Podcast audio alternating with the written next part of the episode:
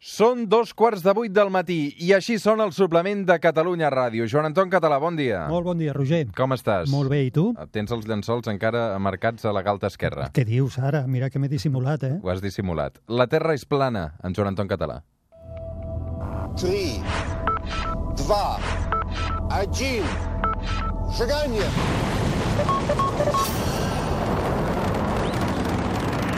One small step for man,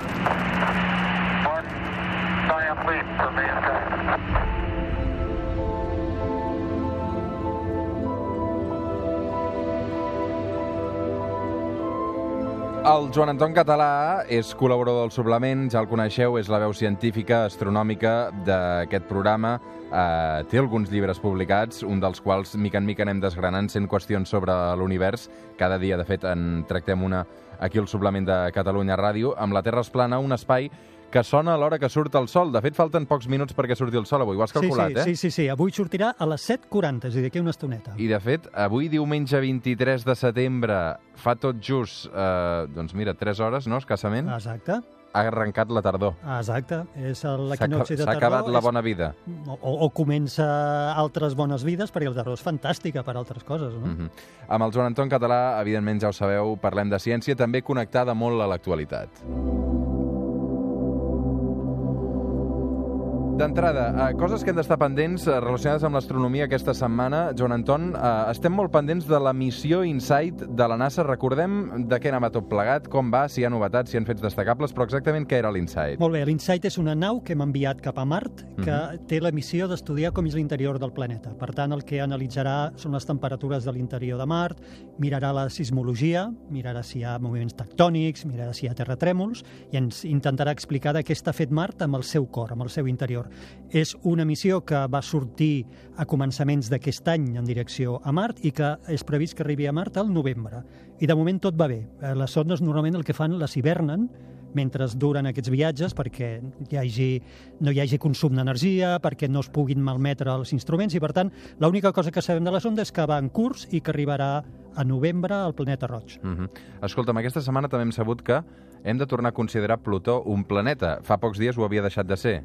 Ah, això m'encanta, perquè per mi, eh, des del punt de vista emocional, jo sóc dels que, com que sóc una mica més granadet, jo vaig estudiar Plutó com un planeta a l'escola i, de fet, eh, per mi emocionalment sempre ha, sigut, eh, ha seguit sent un planeta. Què va passar? Que es van començar a descobrir, després del seu descobriment als anys 30, van passar molts anys que ja vam donar per completat el sistema solar, amb nou planetes. Va passar que molt després vam començar, començar a descobrir altres objectes de la mida similar, alguns més petits, o la majoria més petits, que Plutó, en aquest espai, en aquesta zona externa del sistema solar. I els científics van haver de prendre una decisió i van dir, bueno, què hem de fer ara?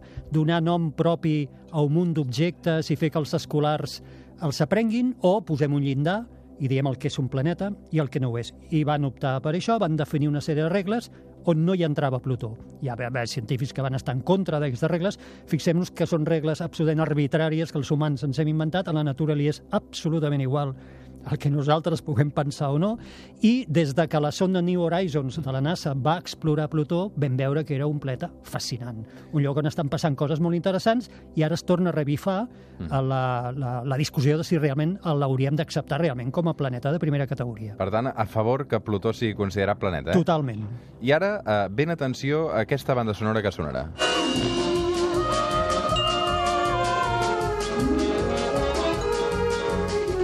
Què passa, Joan Anton Català, pels fans de Star Trek? Atenció perquè han estat notícia aquesta setmana, eh? Se'ls ha alterat... so- Sí, veure. absolutament, deuen estar nerviosíssims, tots ells. Perquè mira, hi ha, un, hi ha un planeta fictici dintre la sèrie que es diu Vulcan, que és la casa on va néixer el, Mite- el Mr. Spock famós, el personatge de la sèrie. Pues fa molt poquet, eh, perdona, i i el van situar orbitant una estrella que es diu 40 Eridani A. Van triar aquesta estrella perquè és una estrella similar al Sol, més o menys a la mateixa edat, i la van triar per aquestes raons, vull dir, com en podrien haver triat mm, 10.000 més, no? Resulta que fa poc s'ha descobert un planeta, superterra, en diem, rocós segurament, més gran que la Terra, orbitant aquesta estrella, la qual cosa ja ho tenim. Hem, acabem de descobrir Vulcan. Uh -huh. Tot això pel que fa a l'actualitat, però avui l'actualitat també passa per l'arribada a, de la tardor a tres quarts de quatre del matí. I això, de fet, Joan Anton Català, eh, hi posem aquesta música gravitatòria, eh, perquè, de fet, ens va bé per parlar del que seria l'eix rotatori, no?, aquesta arrencada de, de la tardor. Eh, és a dir, les estacions de l'any, de fet, són causa precisament de, de l'eix de l'eix eh, rotatori. Um, per on arrenquem, Joan Anton? Mira, doncs per això mateix. És dir, la Terra, quan gira al seu voltant, que sabem que ho fa quasi en 24 hores, de fet ho fa en 23 hores 56 minuts, gira una mica inclinat. El seu eix de rotació està una mica inclinat. 23 graus i mig, que no és molt, però és suficient com perquè tinguem estacions de l'any. Perquè, com ara podrem anar explicant, això fa que la llum del Sol, els rajos de la llum, ens arribin en inclinacions diferents en funció de com la Terra se situa vers el Sol. Això és el que ens provoca les diferències de temperatura i el cicle de les estacions. Anem a pans, anem a fer definicions que ja saps que a mi m'agrada. Um, dos cicles importantíssims, els equinoxis i els solsticis. D'entrada, què és un equinoxi? Val, equinoxi, la paraula ve d'igual durada entre el dia i la nit. Són dos moments a l'any, ara justament com tu deies a la matinada hem entrat a l'equinoxi de la primavera, de la tardor, que ens marca l'entrada de la tardor, on dia i nit duren aproximadament el mateix, on el sol surt exactament per l'est i es pon exactament per l'oest. Això només passa dues vegades Dues vegades a l'any i convido els oients, és un exercici superxulo de fer, que agafin una càmera de, foto, de fotos, fotografin, ara ja no la sortida, ja arribaran molt justos, si la posta de sol, amb el paisatge que tinguin, també es pot fer demà, eh, o d'aquí dos dies o tres dies, i ho tornin a fer al cap de tres I mesos. si algú estava despert fa una estona i s'ha dedicat precisament a, a fotografiar doncs, aquestes últimes hores que les comparteixi a través de les xarxes del suplement, arroba el suplement, suplement arroba catradio.cat. Eh? Exacte, i tornin a fer el mateix exercici amb el mateix paisatge urbà o no urbà Mhm. d'aquí tres mesos i veuran com el sol s'ha desplaçat i ja no surt per l'est i- o per l'oest. Eh? I per què són tan importants aquests equinoxis? perquè ens marquen aquesta transició que tenim entre temperatures més o menys temperades, normals, i els extrems del nostre clima, que són els solsticis, que serien els altres punts de l'òrbita de la Terra on es produeixen les entrades dels estius o dels hiverns. Doncs va, anem a pels solsticis. Exactament quina diferència hi ha entre un solstici i un equinoxi? Molt bé, l'equinoxi hem vist. El sol surt per l'est i es pon per l'oest, dia i nit duren igual. A més, al migdia d'un equinoxi, és a dir, avui al migdia el sol caurà absolutament en vertical sobre l'equador de la Terra i, per tant, no farà ombres. Això és l'equinoxi. Solstici, és tot el contrari.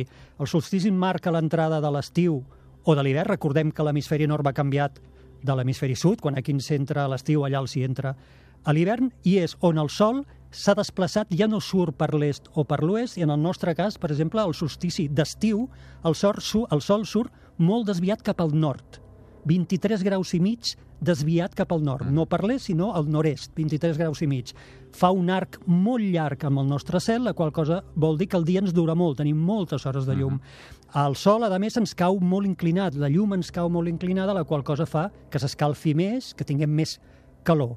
I aquell dia, el solstici d'estiu, el sol, en lloc de caure vertical al migdia a l'equador, cau vertical sobre una zona que coneixem com el tròpic de Càncer, que està a uns 23 graus i mig per sobre de l'equador. D'aquí venen els noms famosos de tròpics, que a vegades diem, bueno, i què vol dir el tròpic? Doncs és on hi cau en vertical el sol al migdia a l'entrada dels solsticis. Quan entra el nostre solstici d'estiu, per allà, per Sant Joan, una mica abans de Sant Joan, el sol cau justament en vertical sobre del solstici, sobre el, el, tròpic de Càncer. Quan ens entra a l'hivern, cau absolutament en vertical sobre el tròpic de l'hemisferi sud, que es diu el tròpic de Capricorn. Som al suplement, som a Catalunya Ràdio amb el Joan Anton Català, avui parlant d'equinoxis i de solsticis.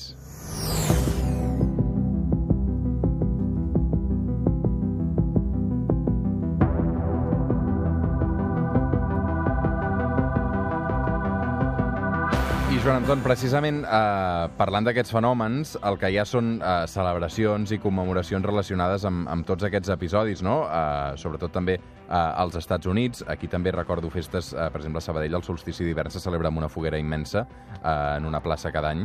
Al Eh, d'hivern? Al d'hivern, sí, Carai. sí, una foguera immensa perquè fa molt fred i, evidentment, la gent necessita escalfar-se just al costat del riu Ripoll. Um, I allà fins a altes hores de la matinada amb una foguera uh, celebrant precisament el, el, el solstici d'hivern. Uh, als Estats Units, què fan el 31 d'octubre? Fan el Halloween, tenen el Halloween... Ara que deies això de les fogueres, clar, en la nostra tradició de Sant Joan, de les fogueres d'estiu, també és una mica de celebració de l'entrada de l'estiu. Uh -huh. El dia de la marmota, no, també? Exacte. El que passa que al darrere d'aquestes eh, tradicions, que són tradicions eh, folclòriques, algunes d'elles segurament tenen arrels o religioses o d'altres tipus de creences, eh, no, tenim, no hi ha res científic eh, al darrere, és a dir, no ens marquen cap moment especial, perquè fixa't que, per exemple, la, la, la nostra celebració de Sant Joan es produeix uns dies desplaçat del que és realment l'entrada de l'estiu, que es produeix uns dies abans, astronòmicament parlant.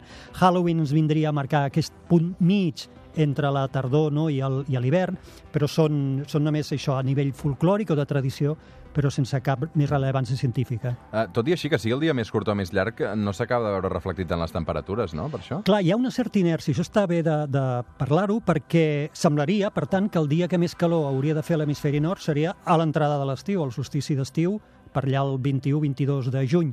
I no és així. No és així perquè la Terra té una certa inèrcia. Per exemple, tenim oceans, tenim atmosfe- atmosfera, tenim els continents a la Terra que estan a una determinada temperatura i els hi costa reaccionar davant d'aquesta influència dels rajos solars que cauen més verticals i, per tant, normalment, des del punt de vista de la meteorologia, els mesos més càlids estan una mica desplaçats més cap al davant, juliol, agost. El mateix amb l'hivern. L'hivern s'entra a final de desembre i, en canvi, segurament, si ho anéssim a mirar, a les temperatures més baixes serien al febrer, a lo millor. Però això és per aquesta inèrcia que té A les zones polars també passa això? Sí, sí, sí, absolutament. El que passa que és molt més extrem. Sabem aquella cosa no, del, del sol de mitjanit. Hi ha dies que, bueno, dies durant una època, si estàs justament al pol, durant mesos el sol no et surt per l'horitzó i tens una nit eh, perpètua. diguem. I a l'estiu, al contrari, el sol no es pot mai. Per tant, els pols és el mateix, però més exagerat. Mhm. Clar, uh, sovint a vegades uh, suposo que, que els que no hi haguem d'entendre cometem un error i és que sembla que la distància entre la Terra i el Sol hagi de ser la causa pre- doncs, de les estacions i, i, i realment amb tot això que ens està explicant no, no hi té gaire cosa a veure. No, no, res, molt poquet, molt poquet, i és un error, com tu dius, molt, molt freqüent. Uh, torno a repetir, la, les nostres estacions de l'any és només producte de la inclinació de l'eix de rotació de la Terra. Sí que és veritat que l'òrbita de la Terra, com la de qualsevol altre planeta, no és un cercle perfecte, són elipses, estan una mica elongades, hi ha moments de l'any en què la Terra passa més a prop del Sol, però fixem-nos la, diríem, paradoxa que quan això passa, aquí és hivern. Per exemple, en el nostre hivern es produeix per casualitat que la Terra, sobre el 3-4 de gener, es col·loca amb la seva posició més propera al Sol. Per tant, si això fos la causa de les estacions, no s'explicaria per què aquí és hivern. Tampoc no ens explicaria com és que van canviats hemisferi nord i hemisferi sud. Sempre seria estiu a tota la Terra o sempre seria hivern a tota la Terra. Per tant, no és aquesta la raó, tot i que una petita influència en la temperatura sí que té.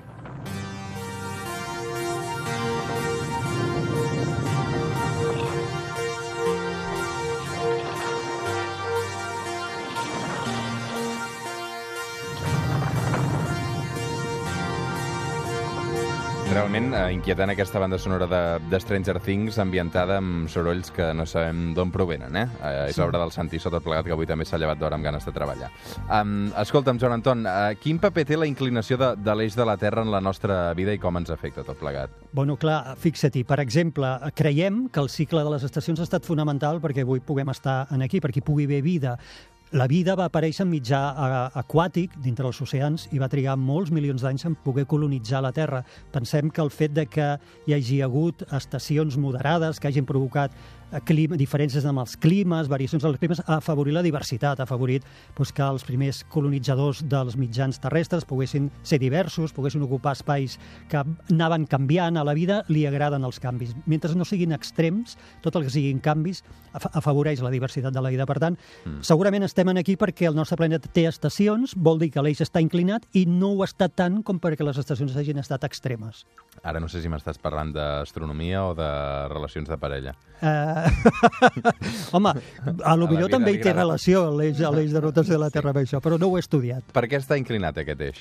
No ho sabem ben bé. Uh, no, no sabem si realment és una relíquia del moment en què es va formar el sistema solar, perquè quan mirem els altres planetes, tots ells, en major o menor grau, estan una mica o molt inclinats. Per tant, no sabem si és una relíquia d'aquest moment o producte, possiblement, dels grans impactes qui devia haver a començament del sistema solar, que jo quan explico dic que era com una uh, enorme um, joc de billar on tot xocava contra tot, era un autèntic caos el sistema solar, i en alguns d'aquests xocs immensos gegantins els planetes van, van modificar les seves òrbites i les seves inclinacions. En aquest eix, la, la Lluna juga algun paper? Absolut, absolut. Tornem a la Lluna que la tenim sempre al cel i no li donem cap mena d'importància i aquesta sí que potser té relació amb el que tu deies de les relacions amb parella, a part de l'astronomia, té una importància fonamental. Igual que una baldufa quan gira té tendència a fer un moviment que fa com varia el seu eix, va variant, eh, la Terra també té aquesta tendència. Llavors la parella Terra-Lluna s'estabilitza. La Lluna ha fet que l'eix de rotació de la Terra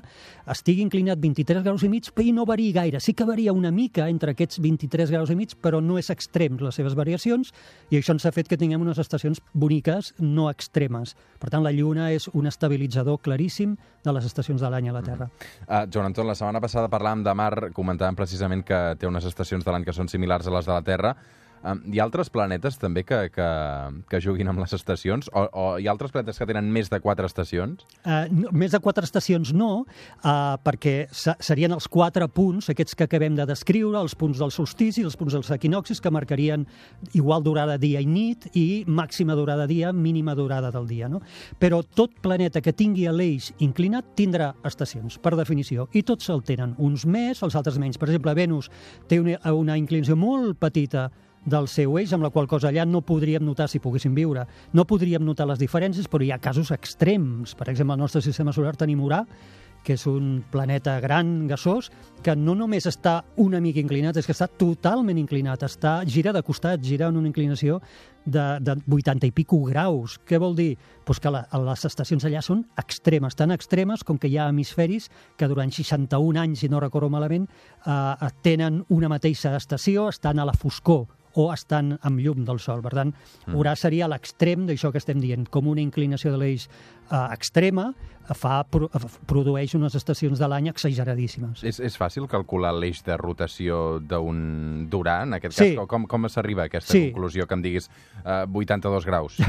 És molt fàcil. Hi ha una sèrie de paràmetres que en diem paràmetres orbitals. Per exemple, un d'ells és aquest, la inclinació de l'eix, l'altre és el període de rotació d'un planeta, quan triga en rotar al voltant del, de la seva estrella, del Sol, l'altre és la seva massa, l'altre és eh, en quin moment creua el pla de l'òrbita Terra-Sol. És, dir, hi ha una sèrie de paràmetres que anomenem orbitals que, mesurant la posició d'un planeta, però també serviria per un cometa, un asteroide, qualsevol objecte, me- mesurant més de 3 punts, i a partir de 3 els que puguem, podem calcular tots aquests paràmetres orbitals.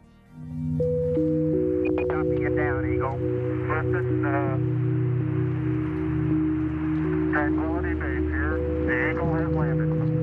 Joan Anton, hem d'anar acabant. Uh, sempre ens fixem precisament amb el cel. Ara ja ha sortit el sol. Um, però aquesta setmana hi passaran coses també al cel o no? Sí, jo la primera cosa que vull aprofitar per dir, avui, dia 23, diumenge, ha sortit el sol, l'agrupació astronòmica Aster de Barcelona Ahà. fa una observació popular oberta a tothom qui vulgui, gratuïta, a la plaça Catalunya, Home, sí, s'hi ha d'anar, de 11 del matí a 1 per observar el sol, amb telescopis solars, amb filtres, per tant, és una oportunitat avui a plaça boníssima. Catalunya a partir de les 11 del matí, A partir de les 11 del matí, gratuïta, obert a tothom, els sí, amics... enviem una unitat mòbil i tot. Mira els amics dic. d'Aster ens faran aquesta demostració popular. Això per començar. A la nit, què hi podem veure aquestes nits? Seguim veient Mart, el meu preferit, com saps, eh, molt lluent a la nit, el veiem ataronjat, no hi ha confusió amb cap altre possible punt de llum, cap altra possible estrella, i el veurem situat al sud. Saturn el tenim també, molt més feble, ja cap a l'oest, i Júpiter ja el comencem a tenir molt baix, molt baix, molt baix, sobre l'horitzó eh, oest. Uh -huh. Uh, per acabar, pregunta de nota, i necessito una gran explicació. Eh? Si la Terra és plana, com es titula el nom d'aquest espai, un ou dur uh, només es pot balancejar perfectament durant un equinoxi? És que és curiosíssim, perquè és veritat, es balanceja absolutament perfectament en un equinoci, igual que ho fa els altres 365 dies de l'any. Per tant, no té cap mena Cap d'influència. mena d'influència. Per tant, la Terra tampoc era plana al final. Pff, Diuen que sí, alguns, eh? Joan Anton Català, una abraçada ben forta. Gràcies que a tu. tinguis molta sort. Gràcies.